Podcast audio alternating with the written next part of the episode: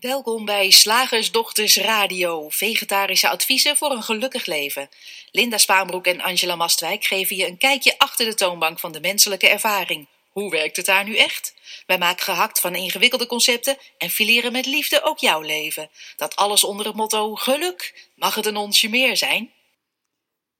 Goedemorgen luisteraars, hier is Linda. En hier zit Angela helemaal klaar voor de uitzending van deze week. En waar gaat hij over, Linda? Hij gaat over sociale angst. Oeh. Sociale angsten. Scary. Ja, want ik, je hoort er steeds meer over, lijkt het wel. Er lijken ook steeds meer mensen aan eh, te lijden. hè. Vroeger Mhm. was je misschien gewoon verlegen of je was introvert. Ja. En nu lijken heel veel onzekere gevoelens onder de noemer sociale angst te vallen. Oké. Ehm, je onprettig voelen in de supermarkt of in grote gezelschappen. Bang zijn voor de negatieve me- mening van je medemens. En Mhm. wat zullen zij wel niet van me denken? Ja. Ehm, liever niet gezien worden als je niet 100% goed in je vel zit of zonder mascara. Ja, voor sommige Nou, mensen is ja. even erg, hè? Ja, ik vind het één op één ook eh, een relatie met elkaar hebben. Zonder mascara kun je niet goed in je vel zitten. Nee. Eh, of met klotsende oksels solliciteren of daten. En eh, nou ja, dingen als liever niet op een drukke zaterdag de stad of de IKEA in.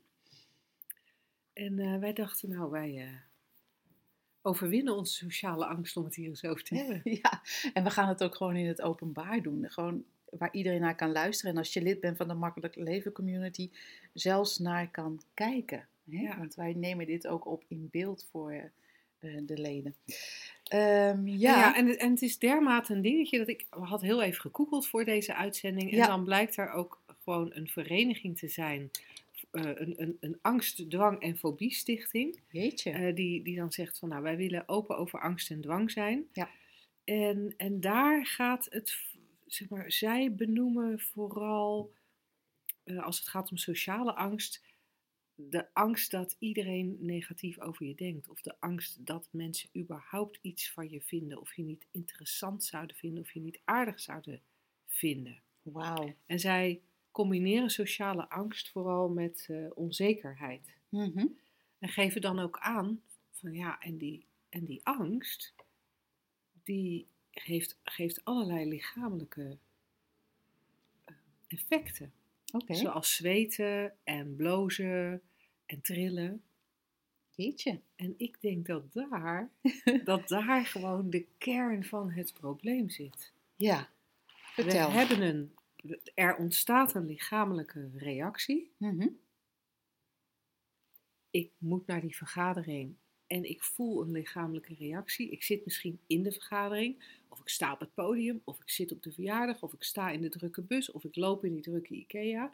En er ontstaat een fysieke reactie, of dat nou trillen, zweten, blozen is, of, of gewoon zo'n gevoel in je maag, dat je maag samenknijpt. Of wat ik zelf nog wel weet van vroeger, is een, een soort paniek met name in drukke omgevingen. Ik ben ooit eens in een Lidl die nieuw geopend werd, waar het zo waanzinnig druk was, dat ik echt, ik wist niet hoe ik uit die winkel moest komen door de paniek die mij overviel.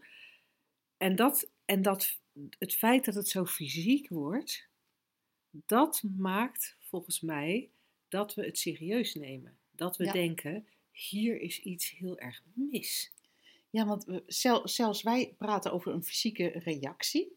Ja. Alleen het misverstand zit in dat we denken dat, we, dat de reactie de omgeving betreft, zoals jij de, de drukke winkel noemt, of, of dus eh, de mening van een medemens. En dan is het al heel behulpzaam in het, eh, om mee te beginnen om je te realiseren dat, dat de reactie is niet op iets in de buitenwereld. De reactie is een, op een gedachte. Er is een gedachte die een gevoel met zich meebrengt. En zie jij dat andersom? Nee, dat was eerst een gevoel en daarna ging ik er pas over nadenken. Van ons mag dat ook. Ja. Wij zijn niet, eh, niet, niet strak in de leer dat we zeggen van oh, wij, wij hebben de wijsheid in pacht betreffende de volgorde waarin een menselijke ervaring verschijnt. Dus, dus breek daar je hoofd niet over, want dan, dan, eh, dan, ja, dan ga je analyseren de verkeerde kant op. Eh, dus, dus die reactie is op een gedachte. Dat is, wel leuk. En ik vind het echt heel grappig wat, ik mij, wat er in mij opkomt, is dat eh, ooit zei mijn mentor tegen mij. ik was best een, de, een eh, durf. Ik ging gewoon op een podium staan voor 500 mensen om te zingen zonder eh, verder zangles of weet ik veel.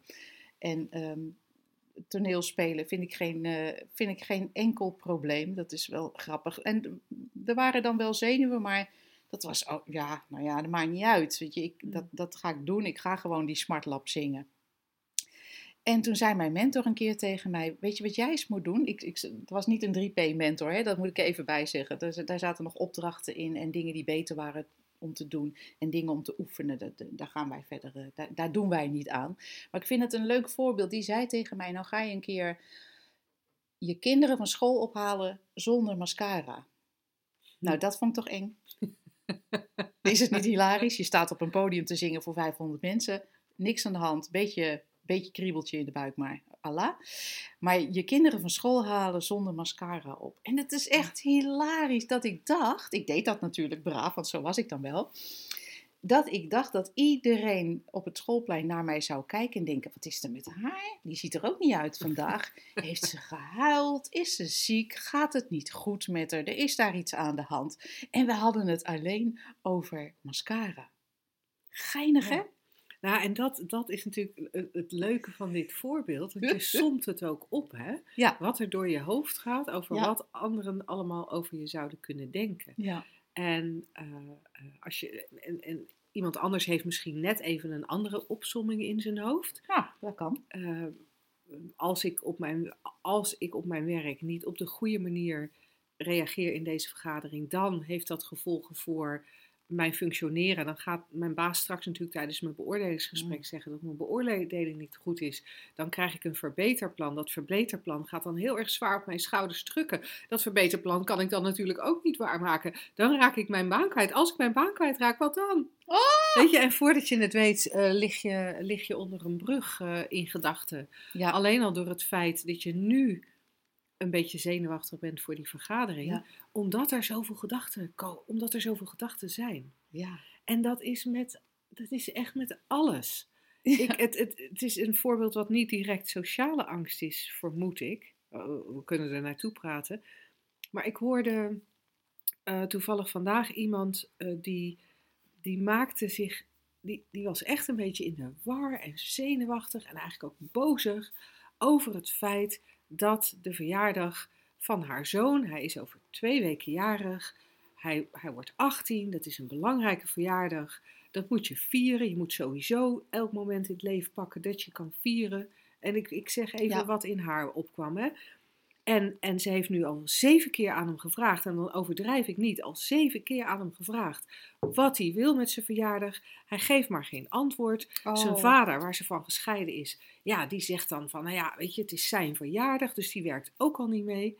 En dus daar, daar- daar ontstaat heel veel gevoel, Ja. heel veel emotie. In dit geval boosheid. Bij sociale angst is het, is het nou ja, angst.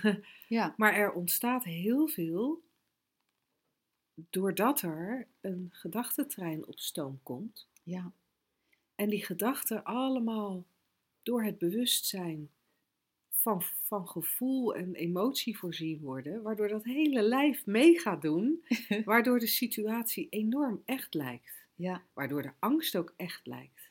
Ja. En ik, ik- wat de uitdrukking die in mij opkomt is: ik mag niet afgaan. Weet je, ik mag geen flater slaan of zo. Dat dat, dat misschien een van de kerngedachten is. En je hoeft er niet naar te zoeken hè, als jij last hebt van sociale angsten, wat de kerngedachte is. Want, want eh, nogmaals, analyse is eh, totaal niet eh, nuttig wat ons betreft. Maar daar, daar zit uiteindelijk, als je, als je gewoon eens een beetje doormijmert. Jij doet dat wel eens met gesprekspartners, dat je vraagt, ja, en dan? En dan? Dus, dus je loopt op straat en je valt, of, of je hebt een puist op je neus en iedereen ziet dat. Het is een Ja. puist met een witte kop. Ja. Hij zit prominent op je toch al niet al te bescheiden gok. ja, ik kan Ja. het leuk verzinnen als ik eenmaal begin. Ja. En jij loopt eh, Op straat. op straat. En iedereen die je tegenkomt, kijkt, Kijkt. naar je Ja.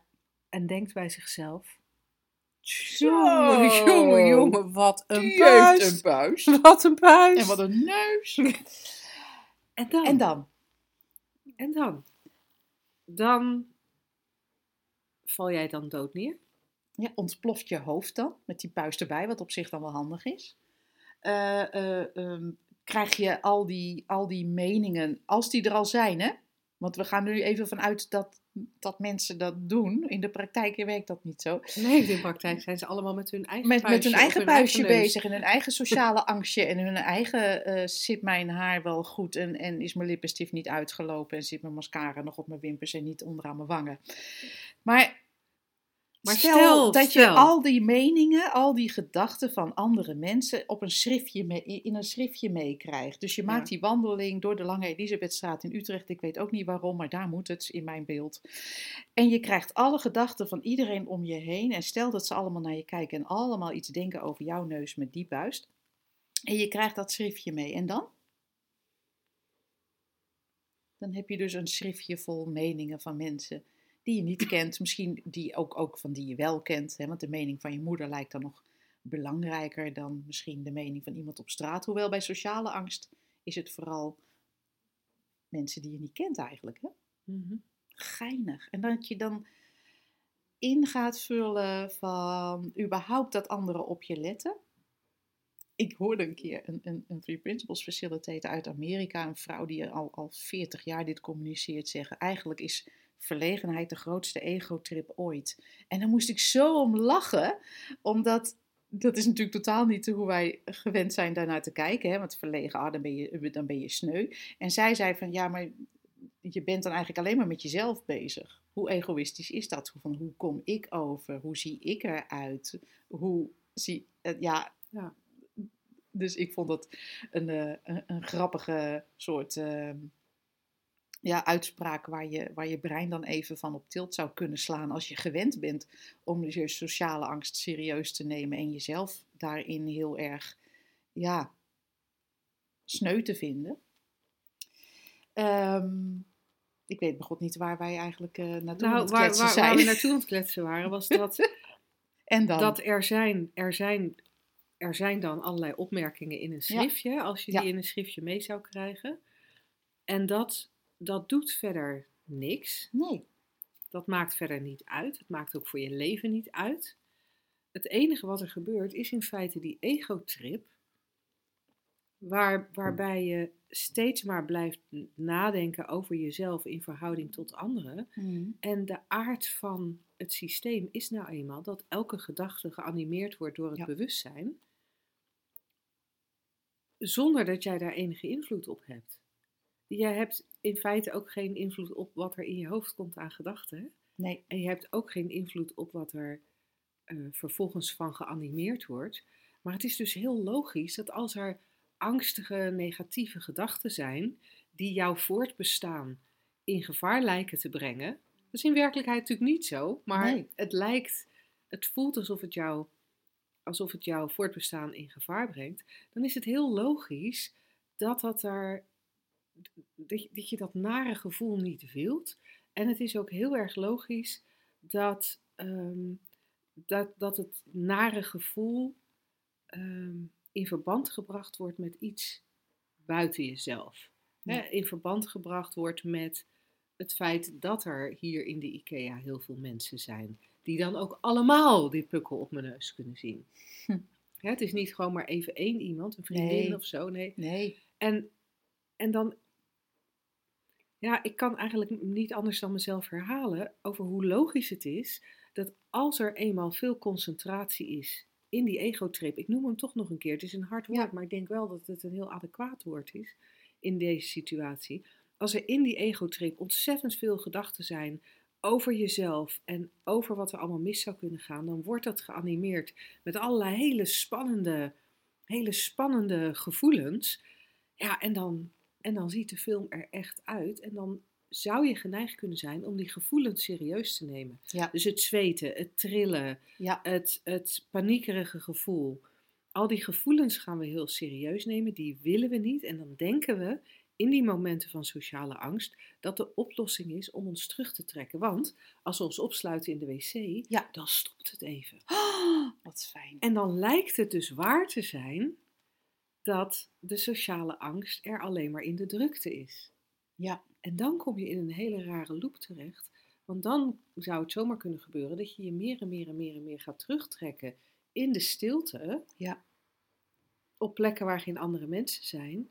Omdat het, Ja. omdat het inderdaad lijkt alsof die angstgevoelens bij die mensen vandaan komen. Ja, of dat je heel erg je best gaat doen om er, perf, om, om er perfect uit te zien, de juiste dingen te zeggen, eh, ehm, eh, van alles ehm, voor te bereiden qua gesprekken en zo en weet ik veel. Dus dat je, dat je het of inderdaad gaat vermijden, of je gaat heel erg, nou ik, ik ga het feel the fear and do it anyway, maar ik ga in ieder geval zorgen dat ik dan zo goed ehm, mogelijk beslagen ten ijs kom qua qua uiterlijk, qua wat ik zeg, qua wat ik doe, qua wat ik aan heb.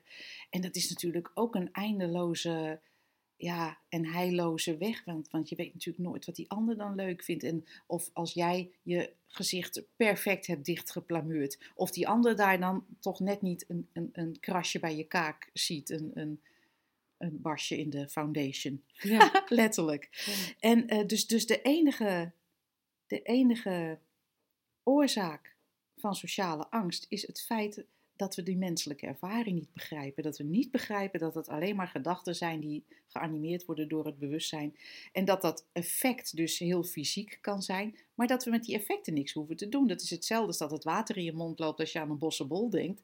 Dan hoeven we niets van dat water in je mond een probleem te maken of te zorgen dat dat weggaat. Zo hoeven we natuurlijk ook niet ons bezig te houden met dat blozen of dat trillen en dat zweten. Is alleen maar ja, de, de uiting, de, dus de, de, de animatie zoals jij dat noemt van het bewustzijn, wat in het lichaam blijkbaar ook plaatsvindt, van, van een gedachte. En ik vind het zo cool, want jij hebt dat opgezocht op internet en daar staat er zelfs bij zo'n stichting die er daar, dan in gespecialiseerd is, staat over de oorzaken van sociale angst is nog weinig bekend. Er zijn aanwijzingen dat erfelijke en biologische factoren een rol spelen. En dan ook traumatische ervaringen en je opvoeding, ouders die te veel of juist te weinig betrokken zijn. Jeetje, dan wordt het ingewikkeld, dan is er Ja, veel om te knutselen. maar vooral in eerste instantie, er is nog weinig bekend en Ja. er zijn aanwijzingen. Ja, En dan volgt er van alles, waar dus in feite van gezegd wordt, ja, we weten het niet hoor, wat Nee. het is. nee, En wij weten het wel. Ja.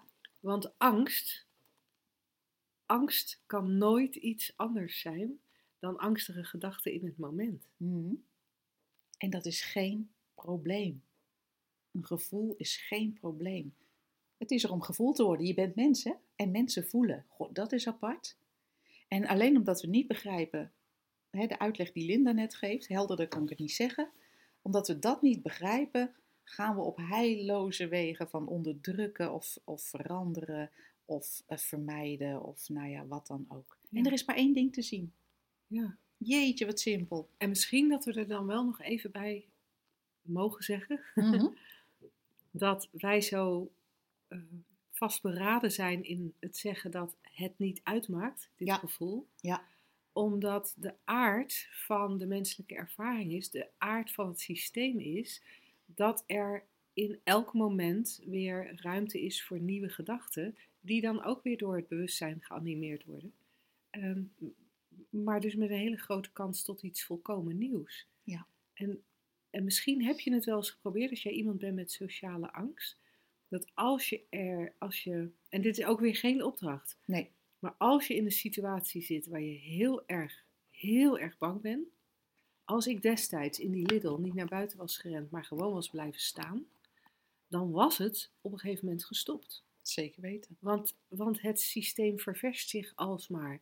Dus op enig moment was ik dan gaan staren naar de sinaasappels waar ik naast stond.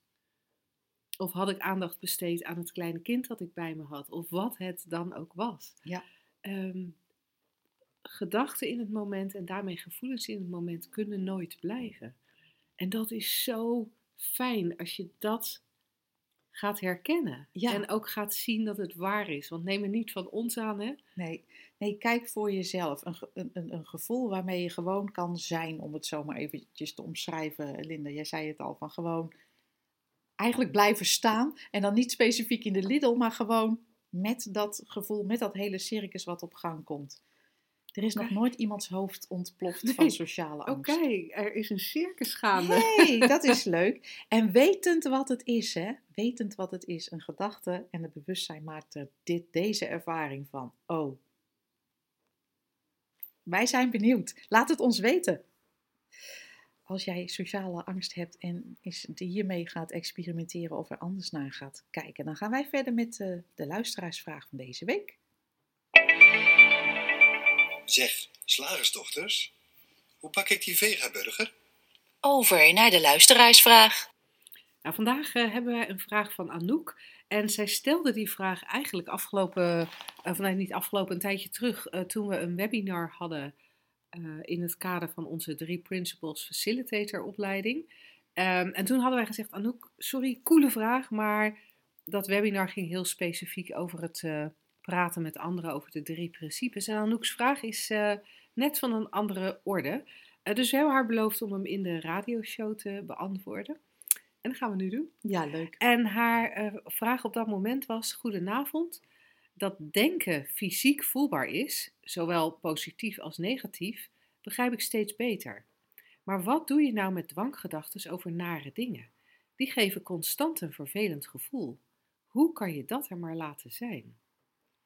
Oh, wat cool, want eigenlijk hebben we dat net verteld. Maar Eigenlijk hebben we het net verteld. En tegelijkertijd wat ik ook cool vind in de vraag: van oké, ik snap dat Ja. gedachten fysiek voelbaar zijn. Mhm.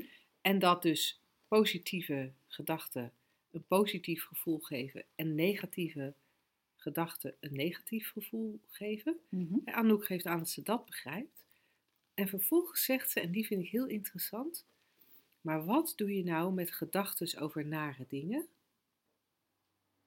Ze heeft hem eigenlijk net zelf beantwoord, hè? ja, Maar wat doe je nou met gedachten over nare dingen? En misschien zit Anouk's verwarring wel in het feit dat ze die gedachten over nare dingen, dat ze die dwanggedachten noemt. Ja. En ik zou het heel interessant vinden om eens te kijken wanneer is iets nou een gedachte en wanneer is iets een dwanggedachte. ja, grappig hè?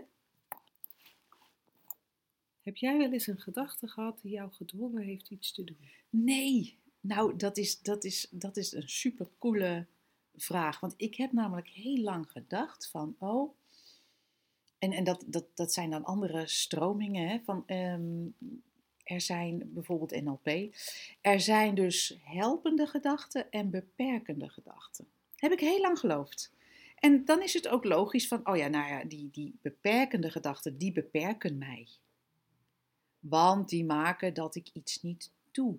Of, eh, ja, of iets juist moet doen.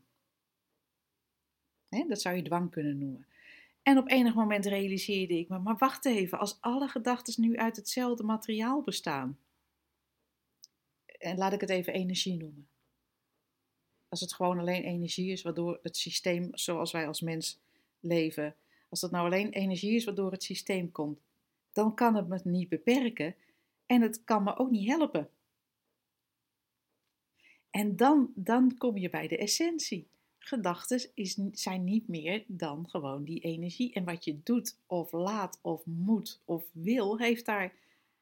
Dat zijn ook gedachten. Ja. dat heeft helemaal niets daarmee te maken. Dus dat is inderdaad heel goed gezien, Linda. Van ja, wanneer is een gedachte een dwanggedachte? Blijkbaar als je denkt dat je er niet onderuit komt, of dat je er iets mee moet, of dat ze aandacht behoeven, meer dan een andere gedachte. Of dat het jou, nou ja, zoals ik al zei, beperkt. Ik kan dus de, de- of, of laten we zo zeggen, er kan de gedachte zijn, ik durf de winkel niet in. Maar wat kan dat mij doen? Kan, kan die gedachte mij, mij fysiek ketenen aan, ehm, aan de fietsenstalling voor de, voor de winkel? Nee. Ja, maar waarom ga je die winkel niet in? Nee, maar, nee, maar ik, ben, ik sta hier vanwege de gedachte dat ik dat niet kan of niet mag. Of, en die is zo dwingend dat ik hier sta. We zijn wel gewend dat te geloven, hè? Dat gedachten zo'n macht hebben. En daarom is het zo cool als je enigszins zicht krijgt op die drie principes. Dat, dat er, die zegt, die elke menselijke ervaring uitlegt. En dus elke gedachte hoe mooi ook of hoe vervelend ook, eh, ja, terugbrengt tot de essentie. Het is energie door het systeem. Hey, en, en als, als dwang, als Anouk nou met dwanggedachten zou bedoelen een zich repeterende gedachte over iets Oh. naars. Dat is ook. Eh, bijvoorbeeld, ik moet alsmaar denken aan het feit dat we eh, een klimaatprobleem hebben. Ja. En die, en die gedachte, die blijft maar komen. Die blijft maar komen, die blijft maar Mhm. komen, die blijft maar komen. En dan luister ik natuurlijk al een tijdje naar die drie principes. Dus dan weet ik, als ik dan weer denk aan, aan het klimaatprobleem en hoe verdrietig ik ervan word dat de oerwouden gekapt worden en dat daar dieren omkomen. ja, Ehm, dat weet ik dan wel. En ik weet dan ook wel dat. Ik kan ook wel zien dat, die, dat het een gedachte is. En ik kan ook wel zien dat ik me daar rot door ga voelen. Alleen die gedachte stopt maar niet. nee. Ja, en dat is mooi, hè? Want, want eigenlijk nemen we dan de verkeerde aanvliegroute. We nemen de aanvliegroute van hoe kom ik hiervan af, in plaats van wat is het? En dat, is, dat staat echt, echt lijnrecht tegenover elkaar. En dat is wel cool dat dat in deze vraag eigenlijk weer eens eh, duidelijk mag worden. Van, het is logisch dat als je onze website leest bijvoorbeeld, of hoort over andere mensen die door inzicht in de werking van de menselijke ervaring, door inzicht, door kennis van die drie principes, eh, van hun angsten zijn afgeraakt, of uit hun depressie zijn gekomen, of anderszins eh, ja, veel meer ontspanning en eh, rust en vrijheid ervaren, dan is het heel verleidelijk om te zeggen, maar ehm, oh, dan, dan ga ik hier naar kijken. Vertel mij even hoe ik met die drie principes hiervan afkom en daarvan afkom. En dan heb je eigenlijk een verkeerde aanvliegroute, een verkeerde vraag. Eh, je moet even terug, zou ik dan zeggen, naar hoe zit het systeem in elkaar. Dat is, dat is een, andere, een andere vraag, een andere ingang. Dus niet hoe kan je dat maar laten zijn, maar wat is het? En als je steeds meer en steeds dieper, en soms gebeurt dat in één grote klap, en soms gebeurt dat, vaker gebeurt dat stapje bij stapje. En meestal op de gebieden waar je, waar je niet over nadenkt. Toevallig had ik net eh, een gesprek met iemand en die zei: Nou ja, weet je wat ik ineens eh, opmerk? Ik schrik bijna nergens meer van. En dat vond ik heel herkenbaar. Ik dacht: Oh, dat is inderdaad, nou je het zegt, dat ben ik ook kwijtgeraakt. Ik schrik ook niet, ik ben ook veel minder schrikachtig. Wat grappig, leuk bijverschijnsel. Dus, dus Anouk, ehm, als je je afvraagt van wat zijn die gedachten nu? En, en je hebt ons e-book gelezen wat je kunt downloaden op shiftacademy.nl of op slagersdochters.nl. Dan ga je misschien steeds vaker herkennen, oh, oh, dit is gewoon een gedachte, blijkbaar energie door het systeem. En het werkt zo dat als bijverschijnsel, ja, dan, worden, dan is het eigenlijk zo dat je, waar je eerst een, een constant dreinende peuter aan je been had hangen, hè, een dwanggedachte, dat die eigenlijk bij gebrek aan aandacht, ja, die peuter gaat misschien ergens anders heen of legt zich erbij neer, valt in slaap of weet ik veel. En die gedachte, ja, onze ervaring is, ehm, als ze gezien worden voor wat ze zijn, ja, en het geloof erin verloren wordt, dan komen ze ook niet meer. Wij gaan niet over um, hoe lang dat duurt. We gaan niet over wanneer dat gebeurt of in welke mate dat gebeurt. Maar de uitnodiging is eigenlijk, een rotwoord, om te blijven kijken naar het systeem in plaats van naar wat er al gemanifesteerd is, die gedachte. En daarover te gaan, gaan, gaan ja, nadenken. Ja. Hoe zit het systeem in elkaar? Deze ervaring ook? Ja, deze ervaring ook. Waar bestaat deze ervaring uit? Mind, consciousness, thought. Waar bestaat deze ervaring uit? Elke keer is er maar één antwoord. En gedachte in het bewustzijn, energie in beweging, hoe je het ook wil noemen. Ja, nou, en, en als je nou luistert hiernaar en je hebt het gevoel van, goh, dat klinkt allemaal wel goed. ja, maar, ja, maar, ja, maar. jammer, jammer. Ehm, we starten in januari met een eh, hartstikke leuke online eh, training. Daar hoef je dus niet voor naar Soes te komen. Uh, en uh, die heet Time to Shift. En je kunt hem op onze website shiftacademy.nl vinden onder het kopje uh, opleiding en training. en dan gaan we zes weken lang um, nou, met je kijken naar hoe zit dat nou precies. En Ja. dan gaan we ja, eigenlijk door de video's die je krijgt en door de gesprekken die we met elkaar online voeren, eh, zul je merken dat je het beter gaat zien, beter gaat herkennen, misschien beter snappen. Dat is op zich Ja. een woord wat wij niet zo graag gebruiken, omdat het eigenlijk niet om snappen gaat met die drie principes. Maar er wordt meer helder voor je. En dat kan een hele leuke, laagdrempelige manier zijn eh, om, eh, om dat gemak en die moeiteloosheid in je eigen leven vorm te geven. Ja, leuk. Je bent van harte welkom. Gaan wij door naar het concept? Woensdag, gehaktdag. Zeg slagersdochters, welk concept gaat er vandaag door de molen? Nou, vandaag wilden wij eens even met jullie kijken naar het concept. Je moet wel je hart openen of je hart openstellen. Jeetje. Het is Dus, er eentje eh, uit eh, de wat meer eh, spirituele kringen. Nou, je hoort hem op twee plekken. Je hoort hem in de meer spirituele kringen. Mhm. Je moet je hart openen Ja. voor het leven.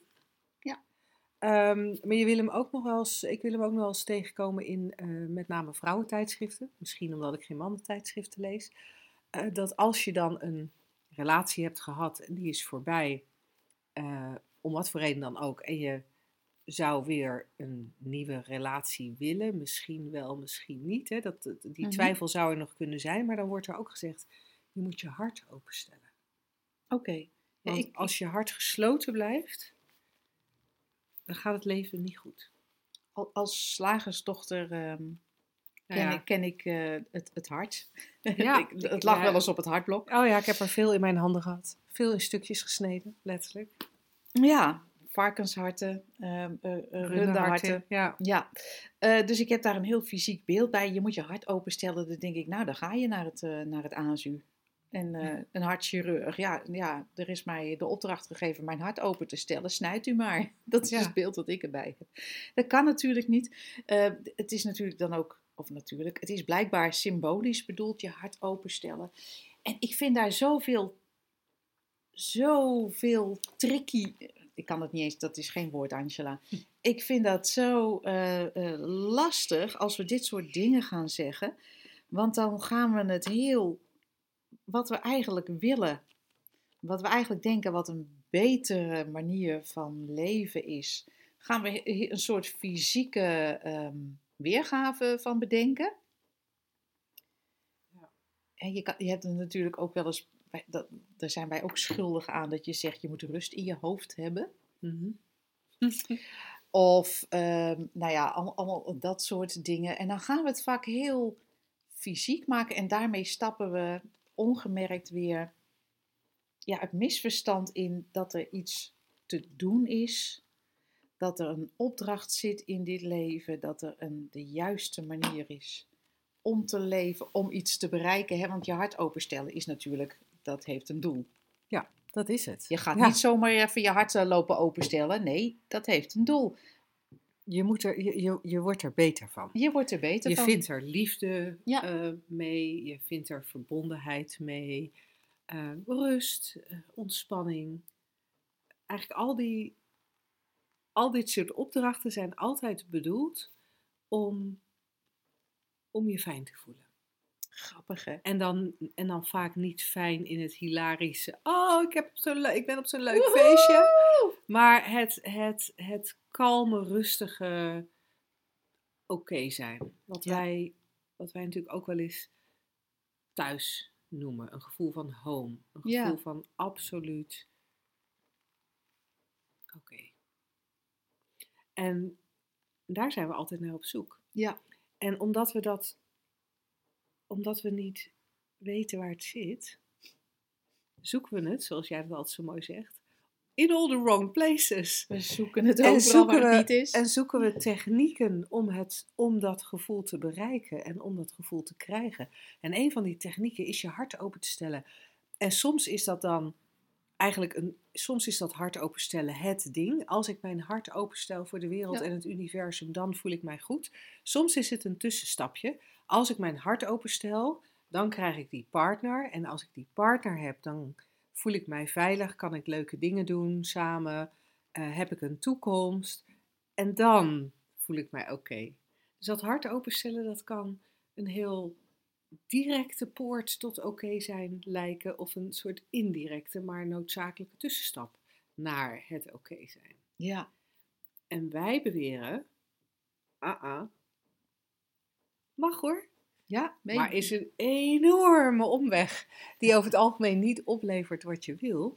En soms is het ook een onmogelijke opdracht. Want Ja. het je hart openstellen, het is zoiets eh ontastbaars dat we eigenlijk niet eens precies weten wat het is en hoe je het moet doen. En dan kan je daar weer een heel dingetje van ja, maken. en Ter- precies. terwijl de reden waarom je überhaupt dit dingetje zou doen, is omdat je dat goede gevoel wil.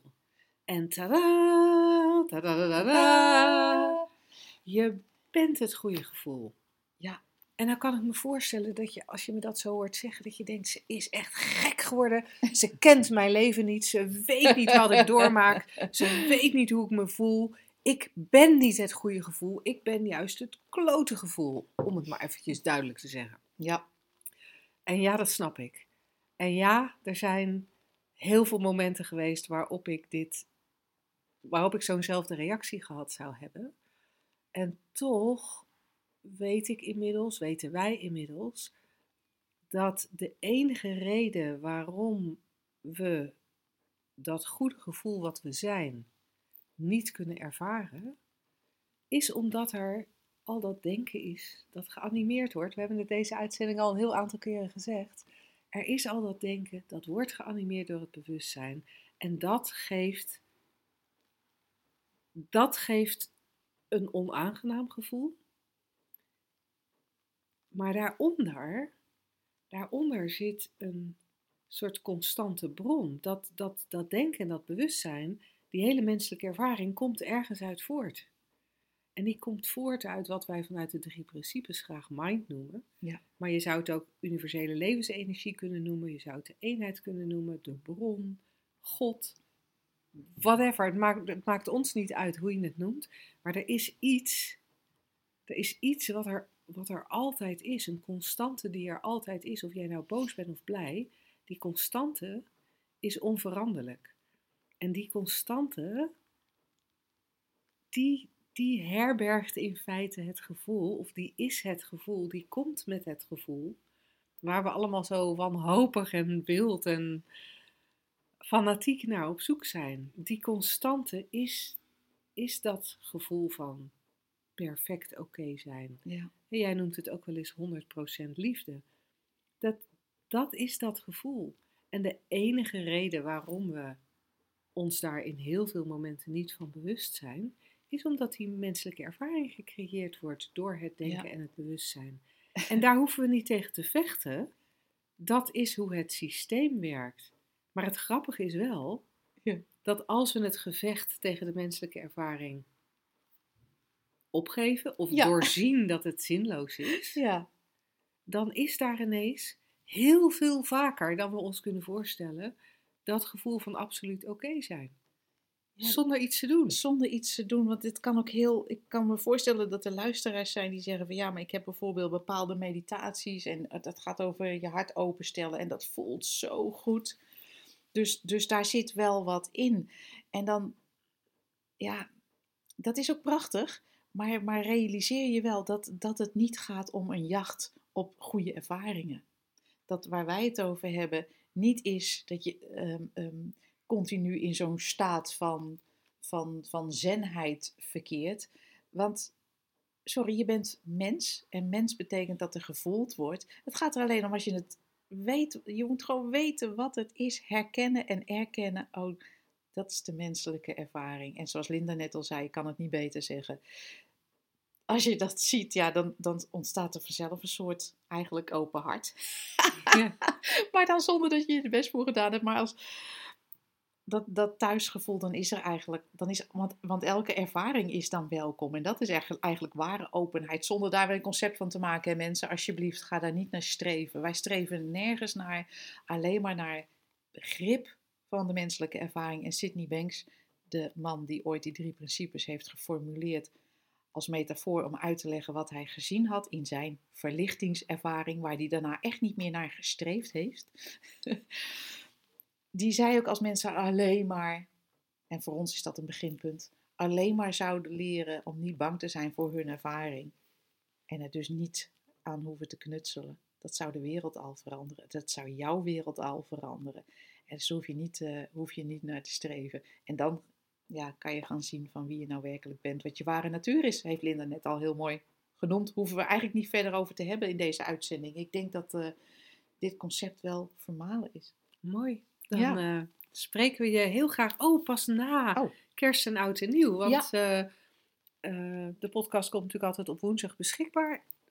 Dit jaar is zowel 25 december als 1 januari op woensdag. Dus wij dachten, wij gaan er gewoon eens even rustig tussenuit met de radioshow. Ja. En je, je hoort ons weer fris en fruitig op 8 januari in het nieuwe jaar.